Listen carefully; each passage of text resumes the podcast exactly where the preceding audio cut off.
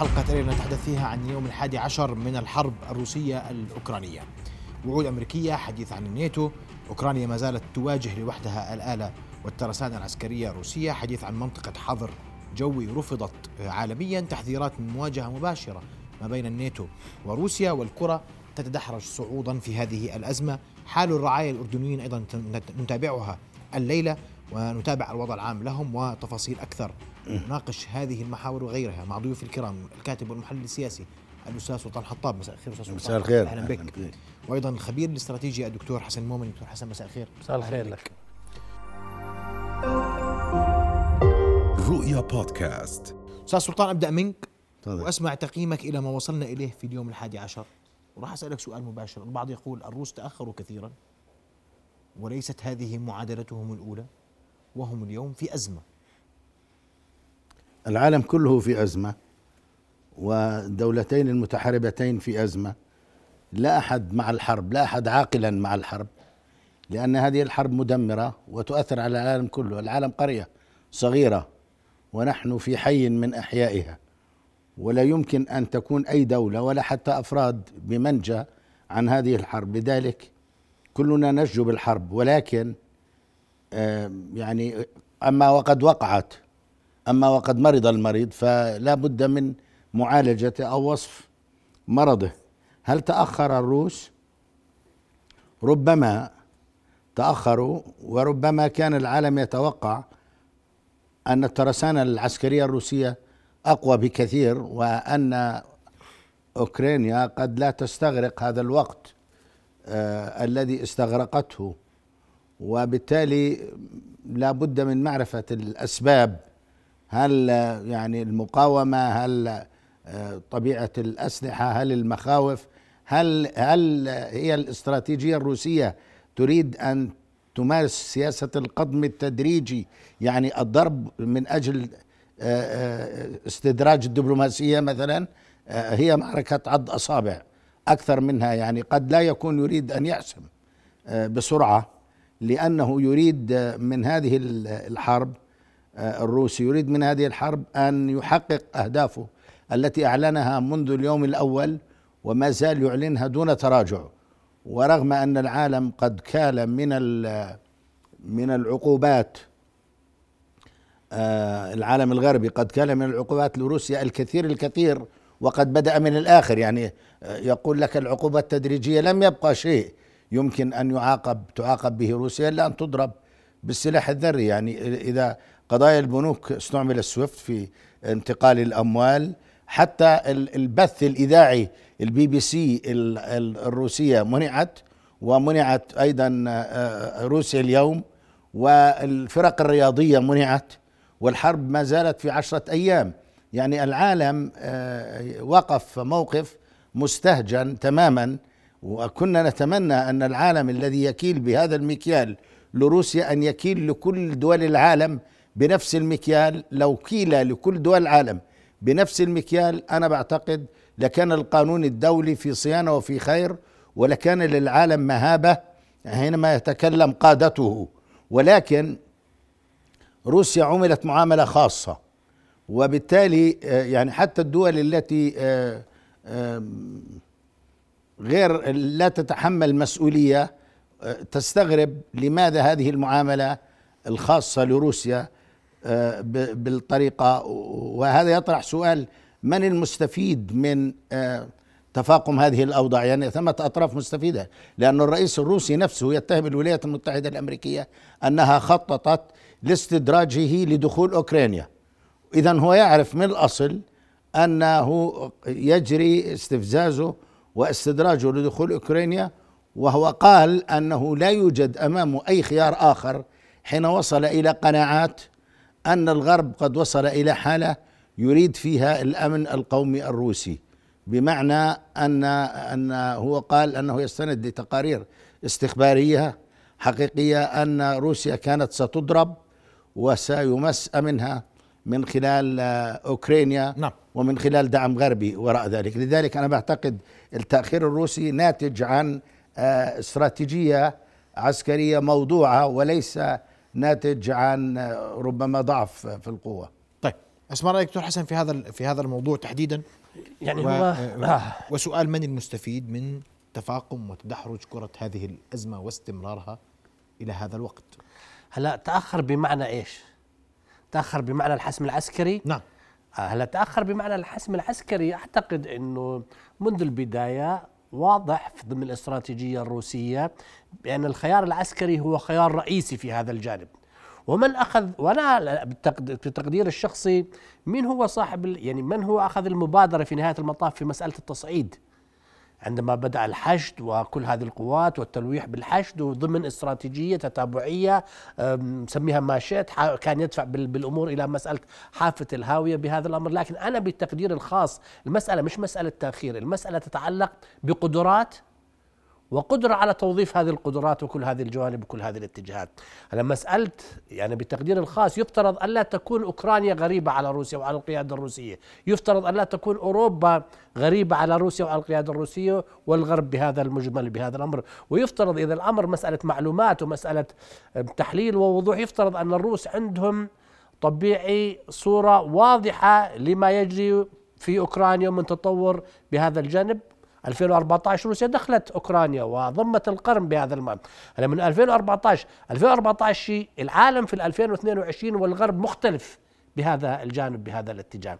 أنا بالتقدير الشخصي هلا قد يكون الاستراتيجية والفهم اللي قام عليه الروس تبين إنه في كثير من الأمور اساءوا فهمها ولها بالمناسبة تتعلق بأوكرانيا وقراءتهم لأوكرانيا الآن المواجهة أثبتت أن أوكرانيا 2014 هي 2022 هي مختلفة عن 2022 في صياغات كثيرة. الدعم الغربي واضح أنه مسألة الدعم الغربي والتواصل الغربي قديمة ليست مسألة جديدة في المسألة الاستخبارية في مسألة التسليح في كل هذه الجوانب. أضف إلى ذلك أوكرانيا في السنوات الأخيرة أعتقد تعزز ما يسمى بمفهوم القومية الأوكرانية الناشئة النشطة في هذا الجانب في هذا الاتجاه. أضف إلى ذلك 2022 الغرب اللي بنتحدث عنه هو غير 2014 الغرب اللي كان إلى حد ما متفكك. الولايات المتحدة كانت مشغولة في حروب على الإرهاب مشغولة في أفغانستان مشغولة في العراق مشغولة في كل هذه الجوانب وكل هذه الاتجاهات. أوروبا نفسها كانت تعاني من مشاكل وما زالت والكل يذكر بأن مستقبل الاتحاد الأوروبي نفسه كان على المحك. ومسألة كل كل هذه الجوانب. الآن في 2000 طبيعي مسألة رب الآن في 2022 نتحدث عن الولايات المتحده إلى حد ما ليست مشتتة في كثير من القضايا. لما عاد هنالك في أفغانستان؟ ارتباطها في الموضوع العراقي وانغماسها لم يكن ما هو زي السابق. موضوع الحرب على الإرهاب خفت كل هذه الجوانب. نتحدث عن إدارة ديمقراطية جاءت على إيش؟ جاءت على مبدأ عودة الولايات المتحدة الأمريكية لقيادة العالم. جاءت إدارة ديمقراطية. البعد على بغض النظر لا شك هو الواقعية السياسية موجودة لكن البعد الديمقراطي وحقوق الإنسان موجود لدى هذه الإدارة في هذا الأمر تعزز مفهوم ما يسمى في الشراكة الأطلسية بهذا الجانب. وبالمناسبة يعني الموقف الأوروبي إلى حد ما في التعاطي مع روسيا كان يحاول أنه إلى حد ما أن يميز نفسه خاصة ما يسمى في الخصوصية خصوصية الحالة الألمانية خصوصية فرنسا بهذا الجانب وبهذا الاتجاه وبالتالي اشتبكوا مع روسيا أضف إلى ذلك أنا بتقديري الخاص هلا لا شك أن روسيا كدولة صاعدة قد تكون في جانب منها تنافسي مع الغرب بهذا الأمر، لكن الغرب والولايات المتحدة الأمريكية كان جل اهتمامهم حقيقة في مسألة تحول القوة هي الصين. بهذا الأمر بهذا الجانب. الآن قد تكون روسيا طبيعي ومنذ مش مثل 2014 منذ 2008 وسياستها اللي أو استراتيجيتها اللي قائمة على التحسس ضمن جوارها الجغرافي القريب. لذلك راحت على جورجيا إجت على أوكرانيا بهذا الأمر وما كانت ابدا طبيعي نتيجة لموضوع قدرات ترغب بالاصطدام المباشر مع الولايات المتحدة الأمريكية والولايات المتحدة الأمريكية لم يكن عندها أيضا رغبة بهذا الأمر. الآن في أوكرانيا واضح أنا بالتقدير الخاص أن يعني ميزان القوى أظهر حقيقته بفارق صارخ ما بين روسيا ذات 2 تريليون من حيث الناحية الاقتصادية. الموضوع التكنولوجي مقابل ذلك الغرب والغرب خلينا نتحدث عن مفهوم الغرب. ما هو الغرب؟ الغرب سياق ايديولوجي رأسمالي من اليابان آه، الولايات المتحدة الأمريكية أوروبا كندا أستراليا كوريا الجنوبية هذا كله غرب. في سياق معين بتجمعوا أطر ومبادئ واحدة في هذا الأمر. الآن من وجهة النظر الغربية التصعيد الروسي حقيقة بهذا الجانب بهذا الاتجاه يمكن يعني عزز ما يسمى في المفا في المخاوف الغربية بأن روسيا ممكن أن تعمل شيء أكثر من موضوع أوكرانيا، لذلك كلا الطرفين طوروا إيش؟ طوروا مفهوم التهديد المباشر. الغرب بدأ ينظر إلى روسيا بأنها تهديد لمصالحه وروسيا في الأساس منذ عام 2000 منذ قدوم بوتين ما هي السردية الروسية إيش؟ إنه الغرب بتوسعه باتجاه الشرق والناتو وكل هذا هو تهديد للمصالح الروسية أضف إلى ذلك خلينا نتحدث يعني يعني النزاع له جذور التاريخية.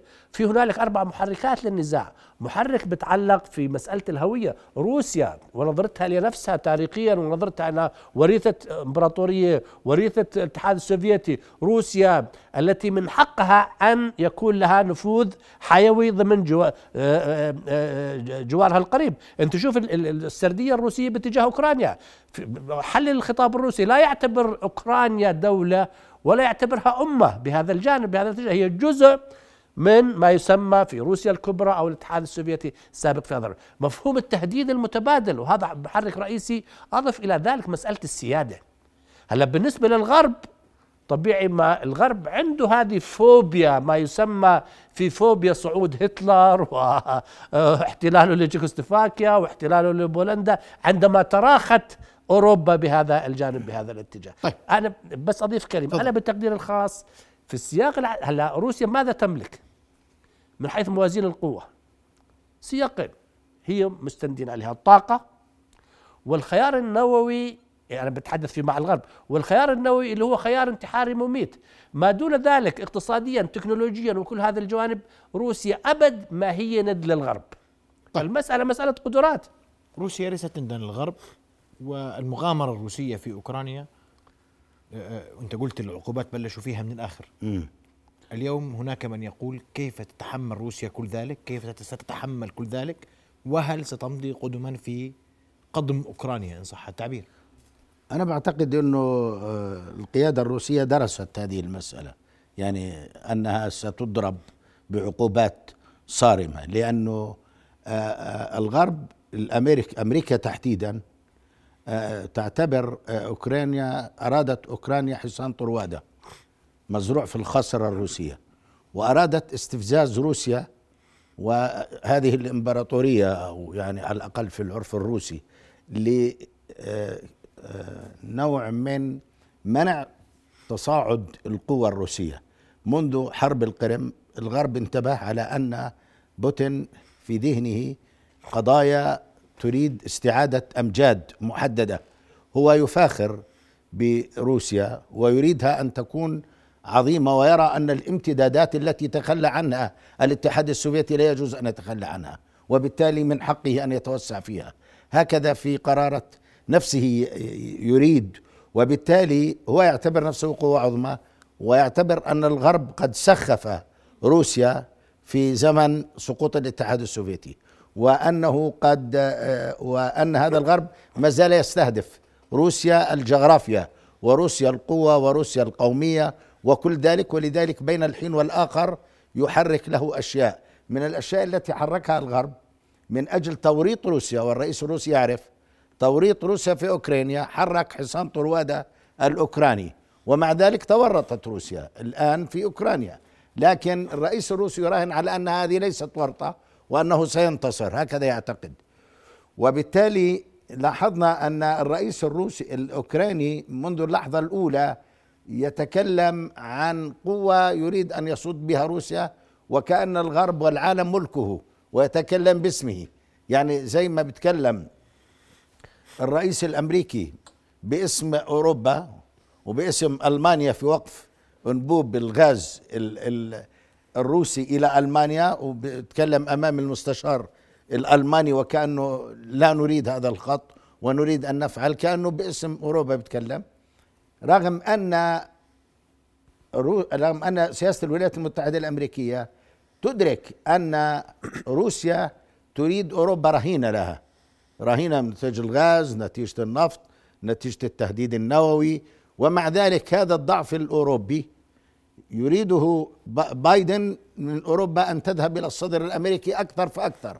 وهذا ما كان بدأه ترامب حين كان يبتز الأوروبيين بأن يدفعوا له نظير الحماية. هذا يريد أن يترجم له مفهوم الحماية. مفهوم الحماية أنا بحميكم أيها الضعاف أيها الهاربين الخائفين كالعجائز المذعورة. ولا يفعلون شيء. وأكثر مثال هو رئيس الوزراء البريطاني الذي يتعامل مع الموضوع مثل ما تعامل مع الكورونا. يعني رئيس الوزراء البريطاني شعارات كبيرة وصاخبة ضد روسيا الذي يسمع ويفكر أنه هو الذي يقود الصراع لكن في نفس الوقت هو تأخر حتى في إعلان الموقف من آه، روسيا وتأخر في دعم الأوكرين وهذا يلاحظون الأوكرين أنفسهم تأخر في دعم الأوكرين لجهة نوع الدعم وطبيعته وظل آه، ظلت عجائز أوروبا إذا جاز لي التعبير تكرر أنها ستدافع عن أوكرانيا لو كانت في حلف الأطلسي. هم لذلك هم ورطوها.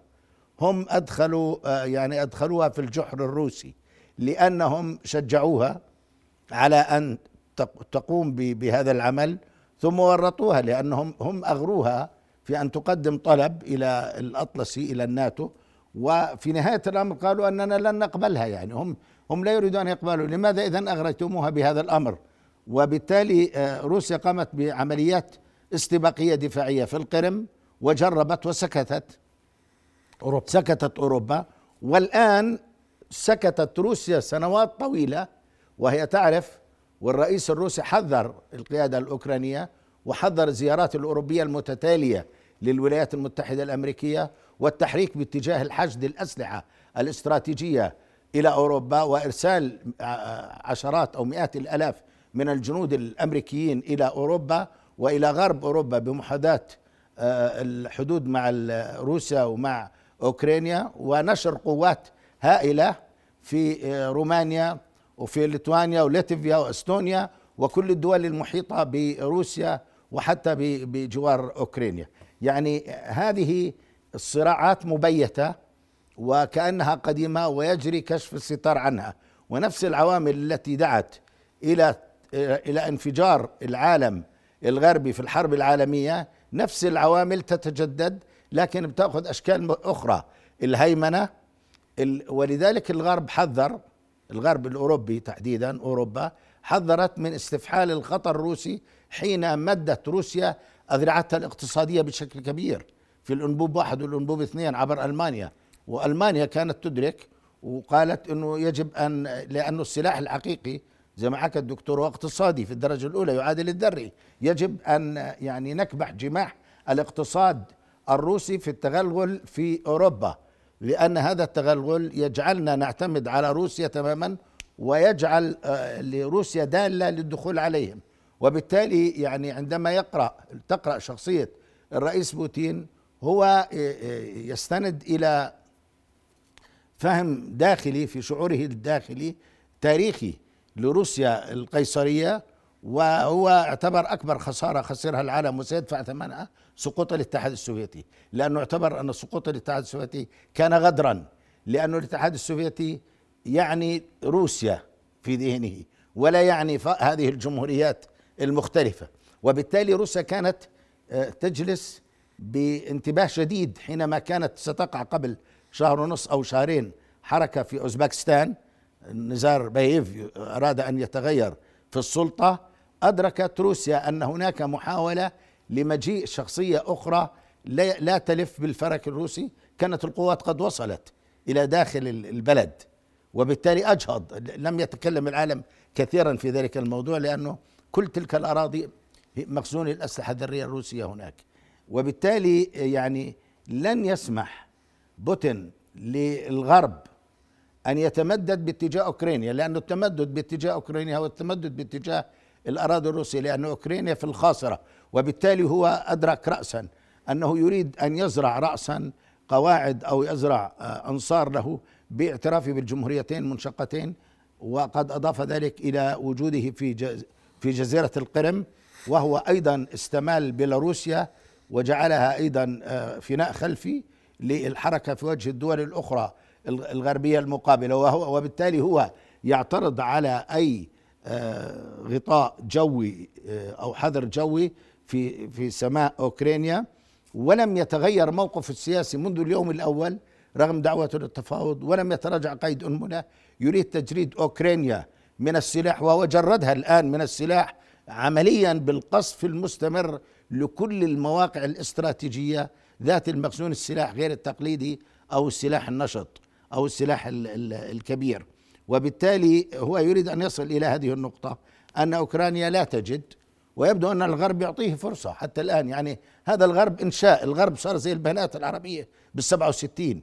يعني أنا مرات بحس أنه الخطاب الغربي المستعمل المستهلك يعني بضحك لأنه إحنا مر علينا قبل الغرب مثل هذه الخطابات. الغرب يستهلك خطابات لأوكرانيا وأوكرانيا تدفع الثمن. الأوكران الآن يدفعون الثمن. ثم الغرب يكيل بمليون مكيال. يعني خلال أسبوع أنت بتعاقب روسيا عقوبات لا لا يستطيع طرف أن يتحملها تصب هذه العقوبات.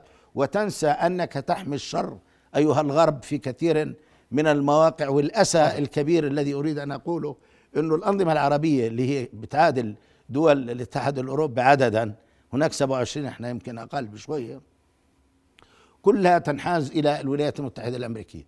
وكأن الولايات المتحدة الأمريكية لم تخنق العرب ولم تعمل فيهم شيء ولم تنحاز لأعدائهم ولم تشكل عليهم أي خطورة. حتى الآن بيبكوا على الولايات المتحدة وبدهم إياها تنتصر وتهيمن على العالم كله. ودون أن يرف لهم جفن وبالتالي في انقسام الشارع العربي في واد وأنظمته في واد آخر. أنظمته تتبارى في تأييد أوكرانيا. أوكرانيا اللي آه، يعني اللي بكى رئيس وزرائها على الإسرائيليين واتهمهم أنهم يعتدى عليهم في حرب غزة. ومع ذلك يعني كان يتهم طيب. آه إن واضح. إنهم كانوا آه معتدين دكتور حسن سأسمع وجهة نظرك بالكيل بمكيالين هلا. والموقف العربي اسمح لي بعد بعد فاصل قصير. فاصل ومن ثم نواصل القومان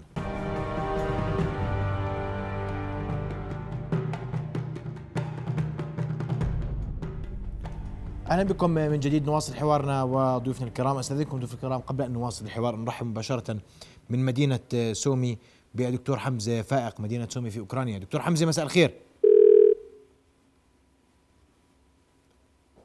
فصل الاتصال بدكتور حمزة فائق. سنعود لك دكتور حمزة للحديث أكثر. دكتور حمزة فائق موجود في مدينة سومي. دكتور حمزة بطوش معنا من مولدوفا. دكتور حمزة؟ مولدوفا. دكتور نعم. حمزة بطوش مساء الخير.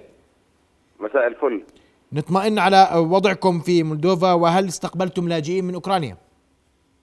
الوضع في مولدوفا الحمد لله الوضع مستقر و آه، طريق سعادة السفير سفيان القضاء آه، بتواصل معنا ببعث لنا أرقام المواطنين الأردنيين اللي بيدخلوا على مولدافيا بنتواصل معهم مع الأخوة والأعزاء الأردنيين هون النشامة اللي ما حدا يعني بتوارى من عن الفزعة فالحمد لله رب العالمين أكثر من عيلة أردنية قطعوا مولدافيا باتجاه رومانيا بعد دخولهم رومانيا آه، على تواصل مع الدكتور آه، زنون ومع سمير زنون. سعادة السفير سمير زنون ومع سعادة السفير وبرتبوا أمورهم في رومانيا كم عائله استقبلتوا آه تقريبا دكتور حمزة في مولدوفا؟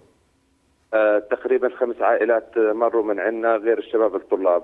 في, الوض... آه في الوقت الحالي عندنا عائلة موجودة في بلز صار لهم يومين وإن شاء الله بكرة بيطلعوا جهة ياش وعندنا مواطنة صار لها أربع أيام تقريبا هون.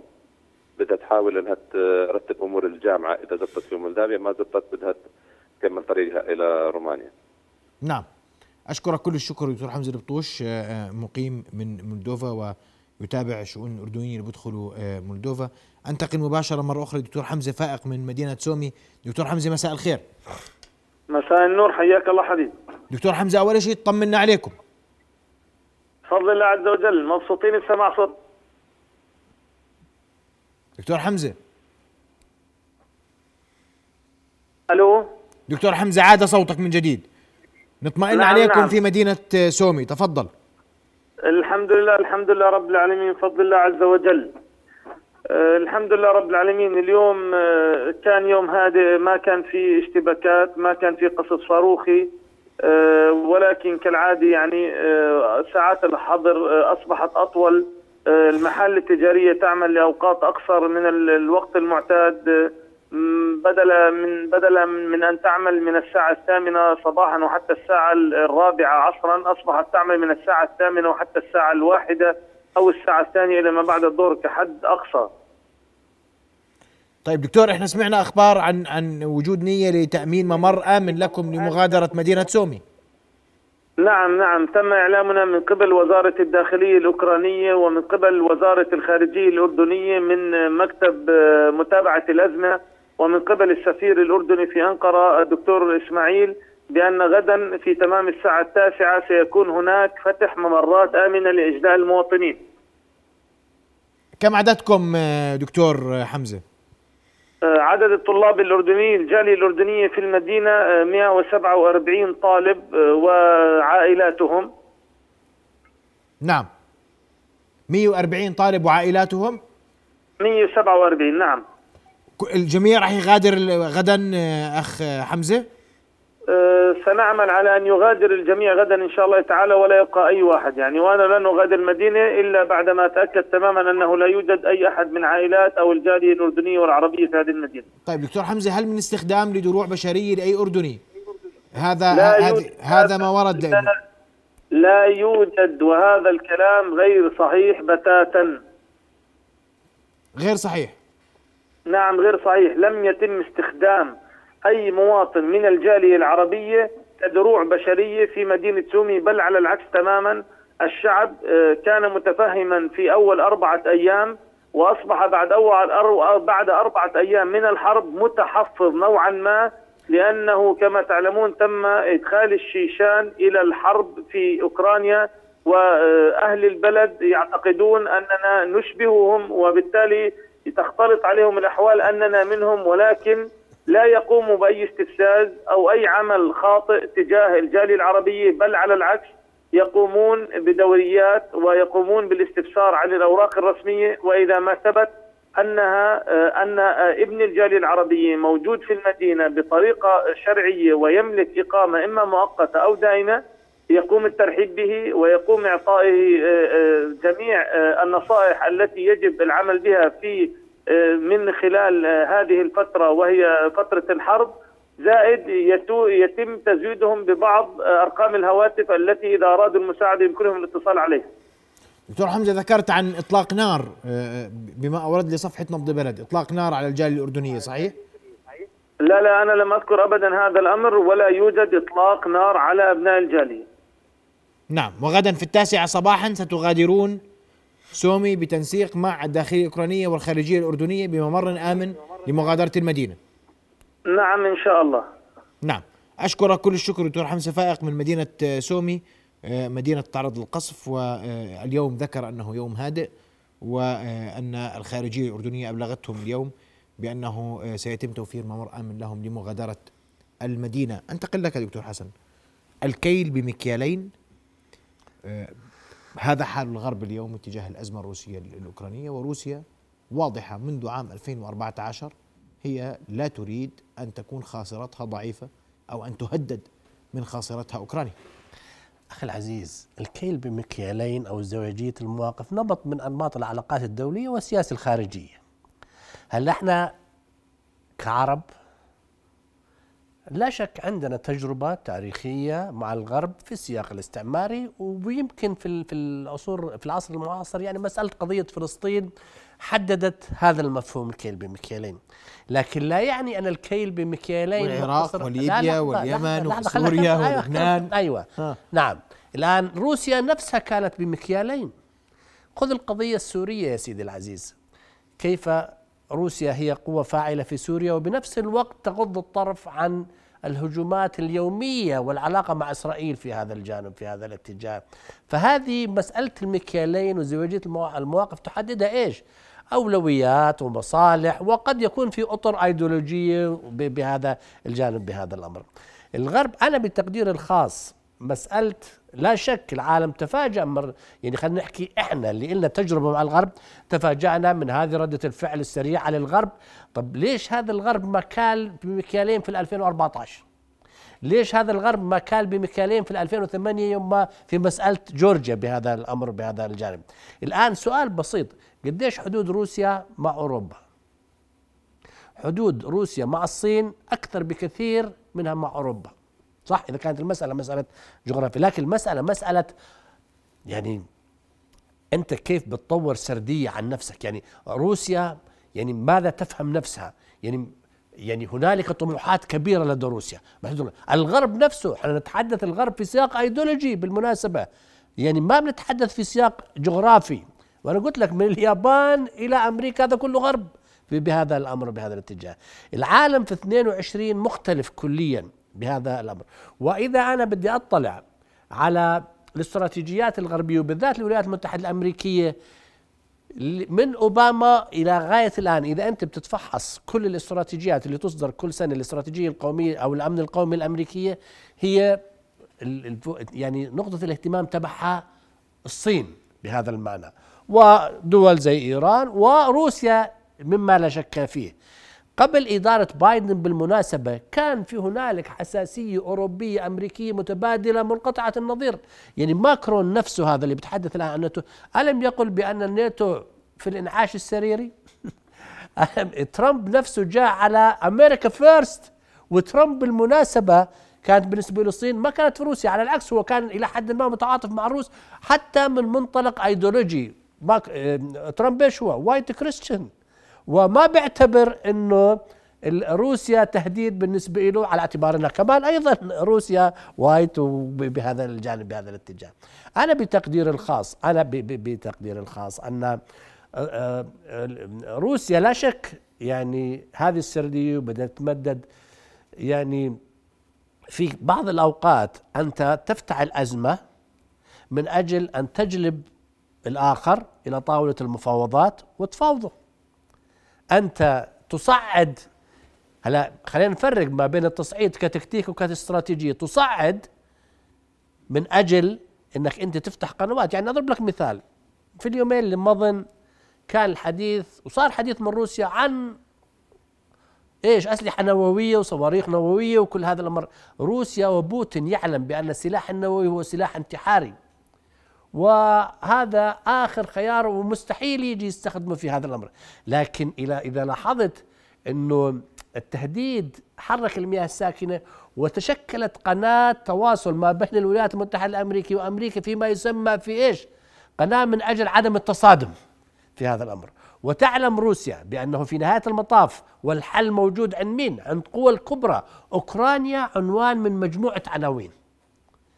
يعني بهذا الأمر. في الحالة الخلافية الروسية مع الغرب بهذا الجانب بهذا الجانب. وبالمناسبة أوروبا يعني على العكس بدأت وصفها الاستاذ سلطان من العجائزيه لا لحظة لحظة خلينا نكمل لحظة. لا انسى على العجائزيه بس إذا أنت بتلاحظ في الأس... في السنوات الماضية أوروبا اتجهت إلى تشكيل اعتمادية اقتصادية متبادلة مع روسيا. وبالذات فيما يسمى في الخصوصية الألمانية. في هنالك خطين من الأنابيب والسيل هذا السيل الشمالي على العكس قد يكون ألمانيا عملته يعني بغض النظر عن الرغبة الأمريكية وبقيت ألمانيا إلى آخر لحظة مترددة في عقوبات وفي كل هذه الجوانب. ماكرون وظلوا كل هذه الجوانب لكن أنا بتقدير الخاص الاقتحام أو العملية الخاصة خلينا نسميها زي ما بسموها الروس لأوكرانيا. هذه شكلت نوع من الصحوة عند الغرب وأثارت كثير من الهواجس. لذلك لقينا الموقف الأوروبي بالمناسبة في مسألة العقوبات 180 درجة اختلف. أول يوم ثاني يوم بدأنا الحديث. إجت ألمانيا أعلنت عن إيقاف العمل بالسير الشمالي مسألة ألمانيا ليس من عادتها تزويد أسلحة بهذا الجانب بدأت تزود. فصارت حدث هلا بالنسبة للولايات المتحدة الأمريكية لا شك أن إدارة بايدن وعندها طموحات وعلى العكس هذا الواقع استفادت منه أمريكا وعزز تحالفها في موضوع المتوسط وكل هذه الجانب كل هذه الآن في الموضوع العربي. العرب القضية المواجهة الحالية مختلف عليها. ليس كل العرب مثلا داعمين لأمريكا وليس كل العرب داعمين لروسيا. تبعا للمصالح. على لا شك في السياق الاستراتيجي غالبية العرب في لهم علاقة مع الولايات المتحدة الأمريكية لكن أيضا يختلفوا مع هذه الإدارة. أنت تعلم قبل هذه المواجهة في كثير من الدول العربية فيها نوع من الجفاء كان يعني في العلاقة مع أمريكا فيها نوع من الجفاء. مع هذه الإدارة الحالية وأنت بتعرف الإدارة الحالية وأثناء الانتخابات والتصريحات يعني يعني كان موقفها سلبي باتجاه بعض الدول العربية في هذا الأمر. فلذلك المسألة مسألة يعني يعني ما هو متوافق عليه. خذ مثلا إذا بدنا نحكي عن وفي دول بتحاول أنها توازن في موقفها. طب وين الكيل بمكيالين؟ خذ إسرائيل. يعني واحد من المستفيدين حقيقة من هذه المواجهة إسرائيل. شوف الآن إسرائيل ظهرت بقوة إيش؟ ظهرت بقدرة على التأثير بنتيجة لعلاقتها وين؟ مع الروس مع الأوكرانيين. مع الأوكرانيين ومع الغرب. يعني بنت قاعد بتواصط في هذا الجانب في هذا الأمر. أنا بالتقدير الخاص اقليميا خليني احكي لك شغلة المستفيدين الآن في الدور تركيا وإسرائيل. المستفيد الأكبر الولايات المتحدة الأمريكية والصين بهذا الجانب لكن الصين تراقب بهذا الأمر. الخاسر هم روسيا وأوروبا بهذا الأمر. واضح. بعد فاصل سنواصل وأسمع رأيك أستاذ سلطان. الخاسر هم الروس والأوروبيين والرابح هم الصين الولايات المتحدة الأمريكية الولايات. تركيا والاحتلال. بعد فاصل نواصل قمعنا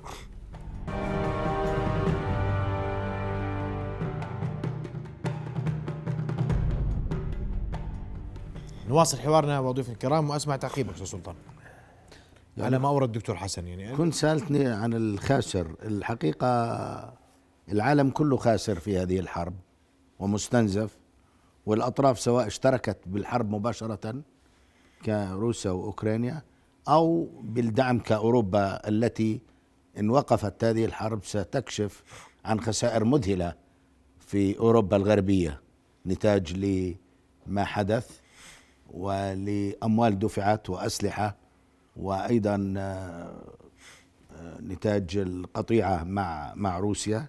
لكن أنا بعتقد أن الخاسر الأكبر هي أوكرانيا التي استعملت كطعم لصيد روسيا. من جانب الولايات المتحدة الأمريكية. استعملت كطعم لصيد روسيا واستعملت أيضا كأداة تخويف لأوروبا من أجل وضع أوروبا في الأسر الأمريكي مرة أخرى لأنه يجري ابتزاز الأوروبيين مرة أخرى أنه أمامكم هذا الغول الروسي.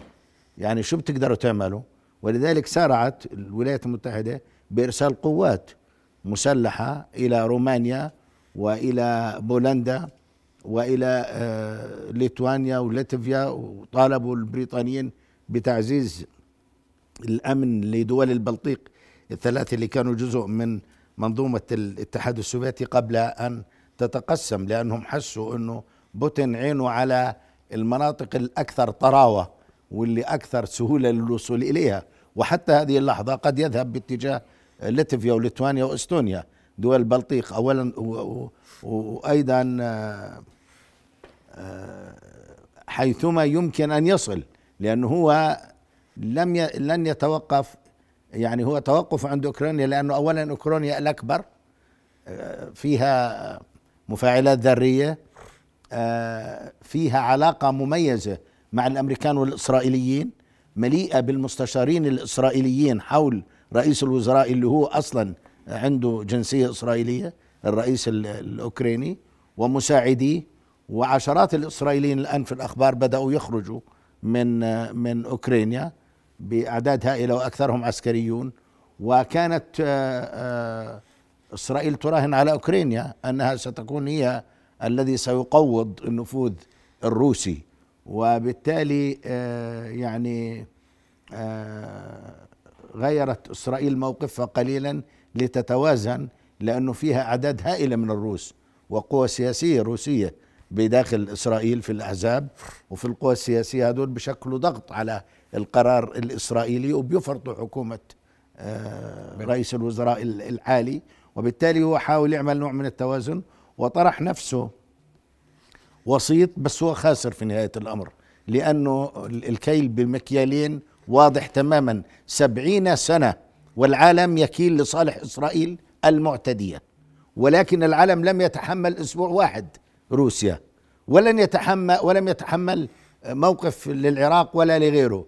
يعني العالم أنا لما بقول كيل بمكيلين مش بالضرورة الدولة اللي هي طرف بتكيل بمكيلين يعني روسيا وكذا لا دول العالم الأخرى التي تكيل يعني بمعنى أن ال- ال- القانون الدولي لا أحد يحميه. القانون الدولي هم يتشدقوا به. لما وقع الغزو البريطاني على الفوكلاند بالأرجنتين ومراس أحد المراسلين الكبار سأل آه، تاتشر كانت هي رئيس الوزراء البريطانية قال لها أنتم هذا غزو أنتم ركبتم السفن وهجمتم على الفوكلاند ودخلتم إليه هذا غزو. مجلس الأمن والأمم المتحدة ستعاقبكم. قالت له تعاقب من؟ من من هي الأمم المتحدة؟ هذه نحن صنعناها. هم صنعوا عصبة الأمم وهم صنعوا الأمم المتحدة. بالتالي لن لن لن تعاقبهم. هذه أدواتهم وبالتالي هم يطوعوا القانون الدولي. العالم كله الآن يصلي خلف الولايات المتحدة الأمريكية بما فيهم العرب المهزومين من الولايات المتحدة الأمريكية. ولما بتقول قضية طب أنتوا يا عرب مش لكم قضية؟ ما هي هذه القضية؟ سموها خلينا نعرفها. وين قضيتكم؟ قضيتكم مع إيران؟ ما إيران الآن ستصبح في السياق ال- الأمريكي قريبا بعد توقيع الاتفاق ال- النووي الجديد اللي هو سيكون رشوة لإيران حتى لا تذهب إلى المعسكر الآخر. لأنه إيران ثمينة عند الولايات المتحدة الأمريكية إذا بدها تواجه الصين الولايات المتحدة. وأي ضغط مزيد من الضغط على إيران التي تحملت ستذهب إيران بالاتجاه الآخر. وإذا ذهبت بالاتجاه الآخر تحكم السلسلة الصين باكستان آه، إيران آه، يعني سيصبح الأمر. ولذلك آه، الولايات المتحدة تريد أن تعطي قطعة السكر لاحقا للحصان الإيراني وهذا الذي يزعج إسرائيل. لذلك إسرائيل اعتبرت أن هذه الحرب قد يكون فيها فرج في خلط الأوراق آه، ومنع الولايات المتحدة من استكمال مشوار التطبيع مع إيران وبالتالي طرحت نفسها كقوة إقليمية تريد الواسطة وضعت حالها في كفة إيران يعني ال- الذين هبوا من أجل الواسطة في هذه الحرب هم إسرائيل والمملكة العربية السعودية وتركيا. هذه الدول الإقليمية وضعت نفسها لأنها استطاعت أن تحرك مبكرا لكن العرب غائبين المملكة العربية السعودية وضعت نفسها دون أن يكون لها يعني هذا الدور الذي مرغوب كما هو الدور التركي مثلا. الدور التركي لأن تركيا لها علاقة بالبحر الأسود لها علاقة باتفاقيات لها علاقة بال مع روسيا في قضايا كثيرة بما فيها القضية القضايا السورية. وبالتالي أنا بعتقد أنه إسرائيل ليست رابحة وإن بدت أنها تريد أن تلعب يعني خرجت ثعلبية وتلعب أنها جزء من هذا العالم لتوقف عدوانها لأنه العدوان مش روسي على على هذا عدوان امبارح روسي على أوكرانيا. هو عدوان إسرائيلي على شعب منذ سبعين سنة. آخر شعب تحت الاحتلال. وال- والعرب لا يبصرون. حتى هذه القضية لا يبصروها. طب ليه ما يربطوا مع القضايا؟ ما هو العالم لما بصير قضايا دولية بيربط معها. مشان لما يصير جرد حساب العالم يتوقف. مش العالم بده إن نقف كلنا في العالم مع القانون الدولي وضد الحروب؟ اذا ليقف العالم كله ضد الحروب وليس ضد حرب واحدة. دكتور حسن بدقيقة تفضل. تفضل. يعني هي. الجميع خاسر. لا رابحة في هذه الحرب لا لا. والجميع يعني. هلا في الحرب لا شك الناس تخسر لكن في نهاية المطاف المسألة مسألة حسابات ربح وخسارة. أنت قد تربح وتخسر جزء بهذا الجانب. لا يوجد هنالك مواجهة من دون تكلفة من دون أثمان. لكن أنت كلاعب عقلاني تقيسها بمسألة ربح وخسارة. قطعا سوف يكون هنالك أناس رابحين بهذا الأمر. وأنا عندما تحدثت عن إسرائيل أنها رابحة إسرائيل تعزز دورها في, هذا الأمر عند الروس عند الغرب بهذا الجانب. لا أحد ينكر ولا أحد يستطيع أن ينكر أن إسرائيل دوله دولة احتلال وأن القضية الفلسطينية تتعرض لظلم بهذا الجانب. لكن في سياق حديثنا عن الموضوع الأوكراني بهذا الجانب آه، في المنطقة في دول المنطقة بالمناسبة فقط تركيا وإسرائيل لارتباطهم في هذا الجانب، فلذلك مساله الخسائر، الرابح الأكبر الولايات المتحدة الأمريكية الآن بهذا المعنى. الرابح الناتو. واضح. الناتو تمت إعادة الحياة يا. بعد أن كان بالموت السريع. واضح جدا. أشكركم كل الشكر أستاذ سلطان ودكتور حسن. شرفتونا بحضوركم إلى هنا وصلنا لختام حلقة الليلة. نلتقي غدا تصبحون على خير. رؤيا بودكاست.